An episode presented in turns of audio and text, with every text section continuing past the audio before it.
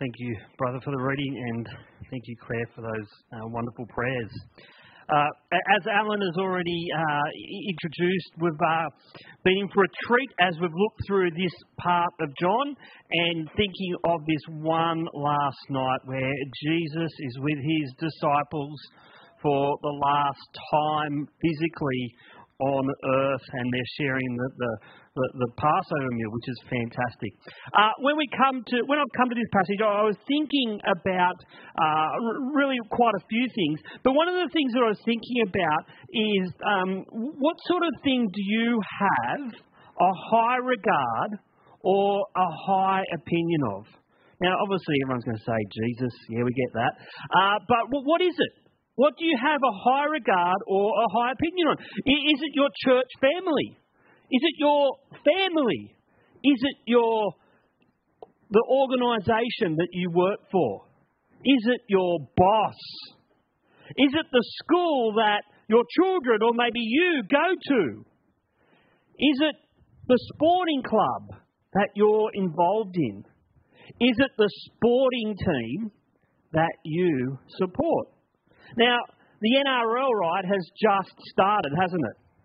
And the season's just begun, and maybe you have a very high regard for your team and how they're going to perform this year, only to realise in a couple of months' time that they're not going to reach the top eight and really they're going to go nowhere. Now, for me, I'm a long suffering West Tiger supporter. I'm a long suffering West Tiger supporter. And I'm the one, only one that suffers at home now because my two boys jumped ship and supported Penrith because they started to win games. Anyway, this year for the West Tiger supporters, there's lots of hype and lots of hope because the premiership winning coach way back in like I think 2005, oh how long ago is that, uh, has returned Tim Sheens and he has two assistant coaches, one pictured there, Benji Marshall and Robbie Farah, who are club legends. It looks like it's going to go so well, but I don't think it is. And I'm looking forward to the future, certainly not this year. Now, to have a high opinion for something is to think that it's good and have a respect or admiration for the thing or person. But what has this got to do with today's passage that, on the face of it, looks like it's talking about gardening? Well, I think as we've listened to our sermons over the last few weeks and followed Jesus' conversation with his disciples, you get the feeling that Jesus is talking on a much deeper level on a much deeper spiritual level. Everything that Jesus has done, from washing the disciples' feet to dismissing Judas, to talking about him and the Father's relationship and him going back to the Father, is deeply spiritual. So we come to today's passage, and I think we need to have a high regard for God. God's rule over the universe, expressed in his perfect plan for the world that includes his son Jesus winning our salvation. We also need to have a high regard for God's word, the Bible. Does the Bible actually mean what it says? Does the Holy Spirit help us to understand it, like we heard last week? Or do we need some human help or a philosophy to actually make sense of it? See, we need to start with a high view of God's sovereignty and His Word. But we also can't discount human responsibility. Jesus says in the passage, doesn't he, that his followers must bear fruit to show that they have a relationship with Him. So, in today's passage, we're going to look at two points God's choice and our fruit bearing. See, we need to allow the Bible to speak for itself before we jump to any logical conclusion. And as we think about this passage and we think about God's sovereignty and human responsibility, we need to actually deeply reflect on God's word first. Because if we don't, we might actually think that God's sovereignty and human responsibility are opposing forces. See, we're not watching some sporting match here where God's sovereignty and human responsibility are on opposing teams. It's not like that God's sovereignty is the Indian cricket team in India holding the advantage over Australia when it produces dust bowl pitches. But then what happens? Well, then comes Nathan Lyon and things all change, don't they? We won one game out of the three. Let's see what Gujaratis give us uh, in, um, in, in the fourth test. That's right. But what we see here isn't God's sovereignty versus human responsibility. It's actually like the great spinners, Lyon, Ashwin, Jadeja, are on the same team, working together on the same pitch to win the same match. See, friends, when we look at the Bible, we see that God is absolutely sovereign. He's the ultimate king, but his sovereignty doesn't reduce human responsibility. See, we're not robots, are we? And if we're honest with ourselves, well, we can do really dumb things. But also, humans are responsible creatures. We're created in God's image. We have brains to think. We obey and disobey. We make significant life choices. See, the Bible never uses God's sovereignty to reduce human responsibility or to use human responsibility to reduce God's sovereignty. See, we need to believe that both are true because both are spoken about in the Bible. And we see this so many times, especially when it comes to matters of salvation. Yes, we know that we're saved by Jesus' death on the cross and his resurrection, which God planned from the beginning. But in matters of salvation, we have the situation where it's both God's sovereignty and our human responsibility in operation together. Now, when we looked at chapter 13, I sort of ducked and weaved a little when we read verse 8. I know those I have chosen. Now, John's Gospel mentions this word chosen a few times. Jesus described in chapter 1 by John the Baptist as God's chosen one. In chapter 6, after the disciples describe Jesus as the Holy One of God, Jesus says in verse 70, Have I not chosen you? The twelve, yet one of you is the devil, or is the devil. In today's passage, chapter 15, Jesus choosing his followers comes up again in verse 16. You did not choose me, but I chose you. And in next week's passage, in verse 19, I have chosen you out of the world. Now, yes, Jesus chose his disciples, but as we follow that along in the New Testament, we can see that Jesus chooses people to believe in him. But it's also very clear that we have no ability to choose God for ourselves.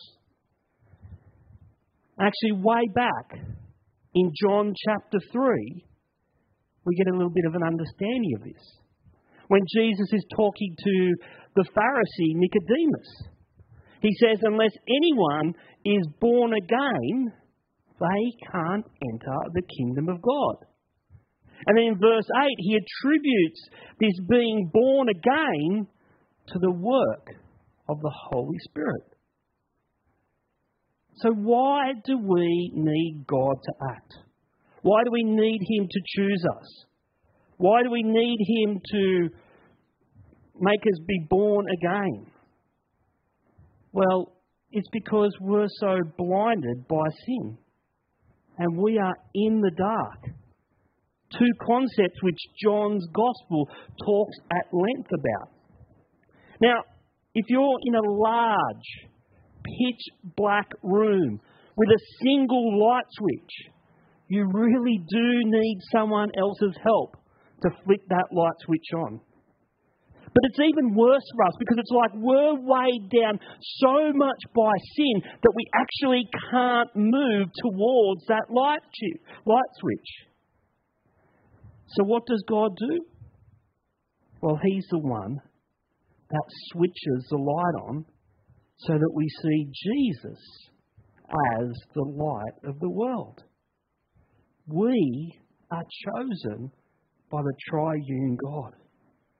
But before we jump too far beyond what the Bible says, see, we're not dragged kicking and screaming into heaven while there's a big bouncer at the door that says, No, you're not allowed in, go away. See, no one is saved by divine coercion, and no one is rejected apart from their own sinfulness. And as we look at the Bible, God doesn't harden the hearts in the same way that He actively softens hearts. So the Bible speaks, yes, of God hardening hearts, but it also says that people harden their own hearts to Him. And then there's actually no passage in the Bible that speaks of a sinner softening their own hearts to God. God is responsible for changing hearts. And John's Gospel tells us actually more than just softening hearts, we need a complete spiritual rebirth. Now, why have I said this? Well, this is really important leading to chapter 15. And it actually explains why Jesus talks about remaining and all this fruitfulness stuff. But as we come to verse 1, well, what do we read? I am the true vine, and my Father is the gardener. Why is Jesus the true vine? Well, the vine image, as you might know, is used throughout the Old Testament to describe God's Old Testament people. And to say that they actually haven't been the growing vine that God wanted. And one of these passages is actually Isaiah chapter 5, verse 7. And you'll see it on the screen there. The vineyard of the Lord Almighty is the nation of Israel, and the people of Judah are the vines he delighted in. And he looked for justice, but he saw bloodshed for righteousness, but heard cries of distress. But when Jesus arrives on the scene, this metaphor is changed. Because Jesus does bring justice. He does bring righteousness. He loves and cares for people. He's a perfect Son of God. And he's the perfect Israelite because he does everything that the Father requires. Now, God is still the gardener. He looks after the vine and he owns a vineyard. And so the Father is at work. He removes, removes the spiritually dead branches and he prunes the fruitful ones so that they produce more and more fruit. Now, maybe some of us here aren't gardeners. So these illustrations are completely lost. Now, I'm not really a gardener, compared to my wife Rachel. She is a fantastic gardener. But even I know that to get fruit on a vine, you just can't just chuck a plant in the ground and hope for it. You actually need to do something. Take a tomato vine, for example. To get a great crop of tomatoes, you need to care for the vine. You prune the unhealthy branches off. You fertilise it. You water it. You stake the vine. And then, if the weather is right, not too hot or too humid, well, you get a great crop of tomatoes. But it takes the work of a good gardener to do it. Friends, God is the good gardener.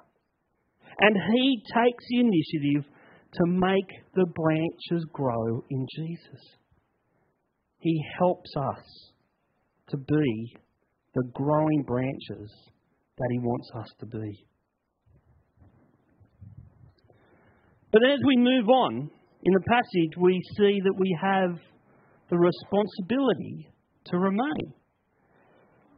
We've been told that we're chosen and have the Holy Spirit in us in chapter 14. Yes, we are saved, but this needs to lead to fruit bearing. So the word remain comes up in verse 4 and it's related to fruit bearing. In verse 5, Jesus says, I am the vine, you are the branches. If you remain in me and I in you, you will bear much fruit.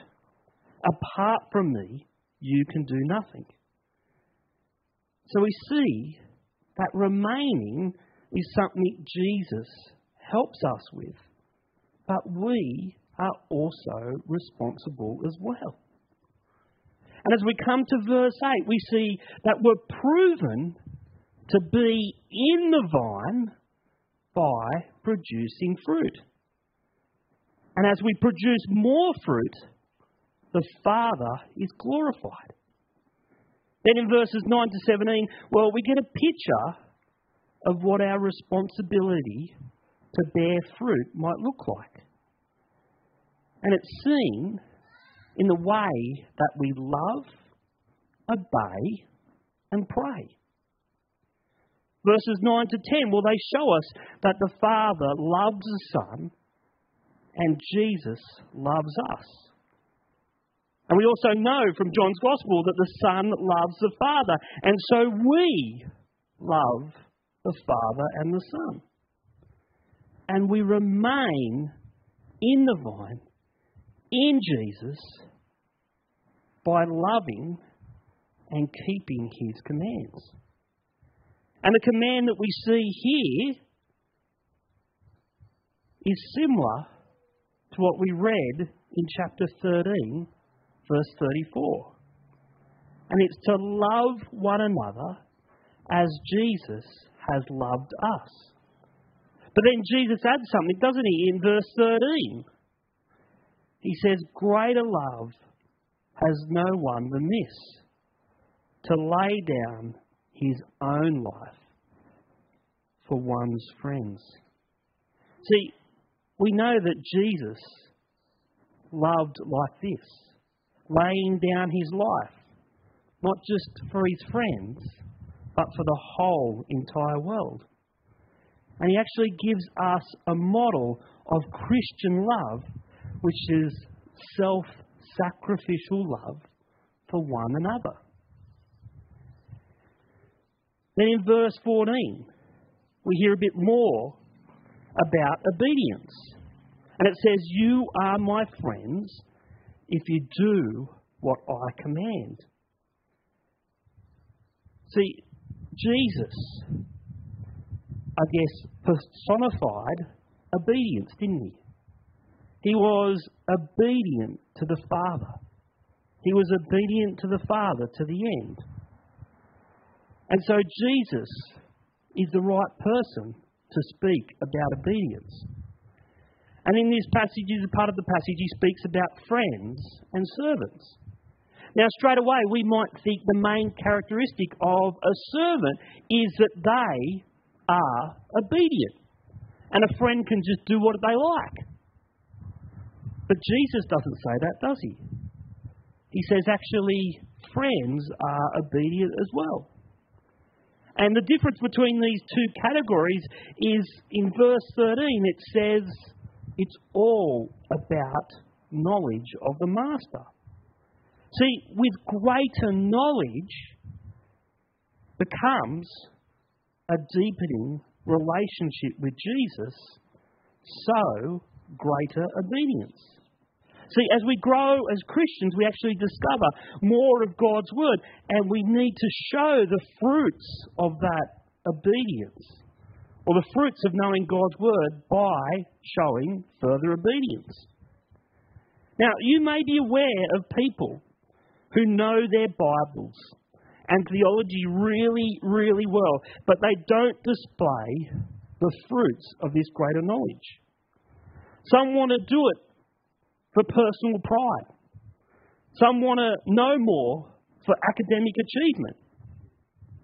Some who do say that they know more than others, rather than be obedient to Jesus, they're obedient to the culture around us.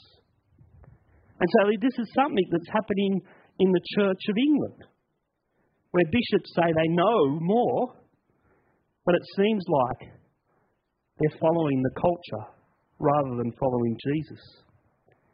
Now, I'm not saying for us that we shouldn't investigate the Bible and theology, but further knowledge about God should always be expressed in the fruits of love, obedience, and prayer. And in verse 7 and part of verse 16, Jesus is actually looking forward to a time when we will talk to God in prayer.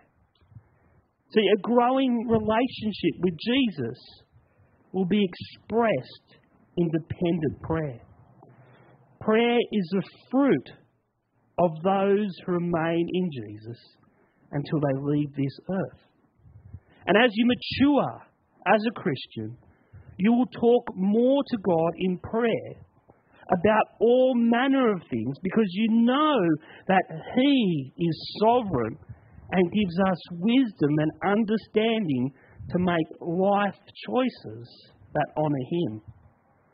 And you don't just pray at a certain time during the day, you pray always.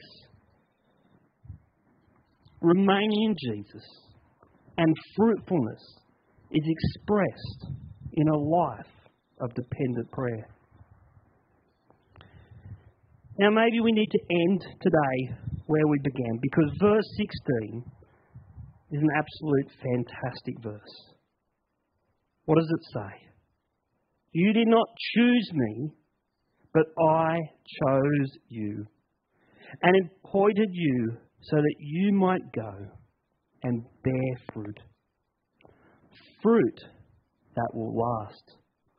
And so, whatever you ask in my name, the Father will give you. In God's sovereignty, you have been chosen. But your responsibility is prayerfully to go and bear fruit that will last.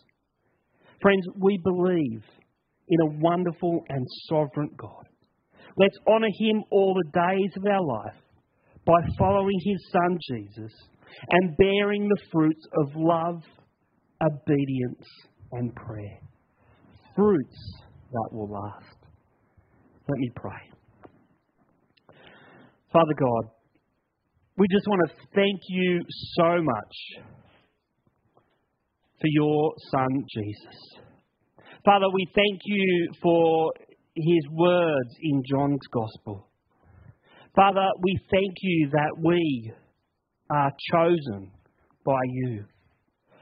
We are thankful that through your Holy Spirit we can honour you, we can praise you, and we can remain and be fruitful for you. Father, help us to be people that show the fruits of our salvation. Help us to be people who love each other, who are obedient to you, and are prayerful in everything we do. In Jesus' name we pray. Amen.